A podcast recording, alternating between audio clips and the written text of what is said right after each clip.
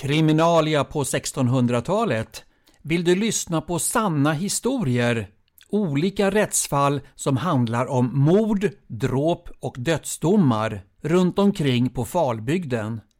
Jag misstänkte väl det och därför så kommer jag läsa upp åtskilliga sådana ärenden, både långa och korta och sådana som slutar med avrättning eller att de blev frikända. Sånt vet man aldrig i förväg. Kriminalia Rättsfall från Falbygden runt mitten av 1600-talet som berör mord, dråp och dödsdomar. År 1650 i Vartofta häradsting den 13 juni då bekände Bengt i Stubbekärr i Habo socken att han stulit från Jöns i Kärnekulla i Habo socken tre och en halv skeppa råg, ungefär 85 liter, från hans kornbod. Men ägaren har fått alltihopa tillbaka. Men lika fullt blev han dömd efter tjuvabalken ifrån livet. Han har ingen förmögenhet att böta med förutom ett gammalt sto och tre får. Göta hovrätt den 26 juni 1650. En dom över Bengt i Vartofta härad som stulit spannmål. Men ägaren har fått tjuvnaden tillbaka. Beslut. Bengt ska böta tredubbelt så mycket som tjuvnaden är värd. Så vi går tillbaka till Vartofta häradsting den 13 juni 1650. Inför rätten ställdes också Elin Månsdotter som drev omkring på bygden och senast hade haft sin hemvist i Åsle. Hon har stulit kött, fläsk och ister från Måns i Hörlyckan i Mularps socken, vilket hade skett tillsammans med Kerstin Månsdotter i Mularp, vilket de båda bekände.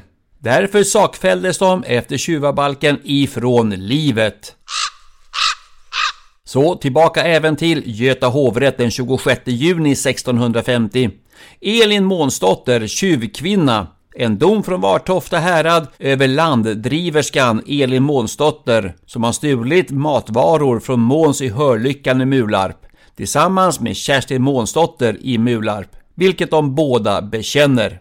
Beslut Elin och Kerstin ska ge målsägaren sitt igen samt böta tredubbelt så mycket som tjuvnaden är värd.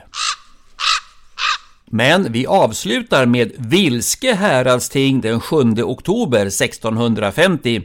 Denna dag fördes för rätten en tjuv, Lars Bengtsson, som var barnfödd i Väne härad, men som nu för tre veckor sedan har stulit från Sven i Skogskälle i Gökems socken två kjortlar, varav en engelsk och den andra halvengelsk, tillsammans värderade för sex riksdaler lika mycket som en häst var värd. Men också 21 alnar lärft och därtill 15 alnar triggerskaftväv samt 14 alnar blågarn och 20 alnar vadmal, två par handskar, ett par filtvantar samt en mösseklädnad och en skeppa råg, därtill en tunna korn och allt detta var utstulet genom taket. Därtill har Lars Bengtsson stulit från Per i Knuta i Vilskekleva socken två liar och två alna lärft. Men detta skedde för två år sedan. Därtill bekände Lars Bengtsson att han för en månad sedan hade stulit ett silverbälte om 10 lod, ungefär 130 gram, från en änka i Bolummartorp i Vallehärad och det hade han sålt till en guldsmed i Skara. Han hade också stulit tre smöraskar, 20 alnar vadmal, 6 alnar lärft, men också 6 och en halv alnar blågarn. Jämväl hade han stulit för två år sedan två ostar och två smöraskar i Skånings härad. Och det berättas att han åtskilliga gånger har varit fängslad för tjuveri såsom 1647 i Järpås på Kolland och 1648 här i Gökhem när han blev fasttagen men undslapp, det vill säga rymde. Men för två och en halv vecka sedan blev han fasttagen i Skara och sattes i stadens fängelse, men bröt sig ut om natten. Men dagen efter blev han röjd av en kvinna i Skara och åter fasttagen och har förvarats sedan dess i kronans fängelse, varifrån han nu är hitskickad. Sammantaget är han efterlyst från många olika platser där han stulit de senaste tre åren. Då begärde allmogen ödmjukligen att få bli av med en sådan gammal och slug tjuv och han dömdes efter det sjätte kapitlet i tjuvabalken till galge och gren och han ligger ogill för gärningen, det vill säga vem som helst har rätt att slå ihjäl honom.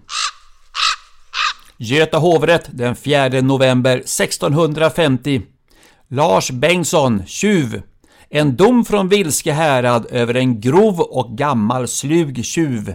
Och denne Lars Bengtsson har länge på många orter, ofta och mycket, stulit från åtskilliga personer. Många olika slags persedlar, som i domen finns antecknade och var för sig värderade.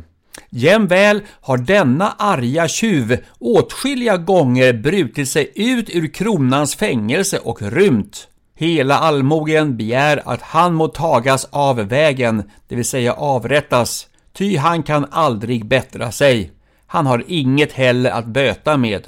Beslut för de skäl som finns i häradsdomen kan Lars Bengtsson inte benådas utan ska andra till exempel och varning upphängas utan uppskov.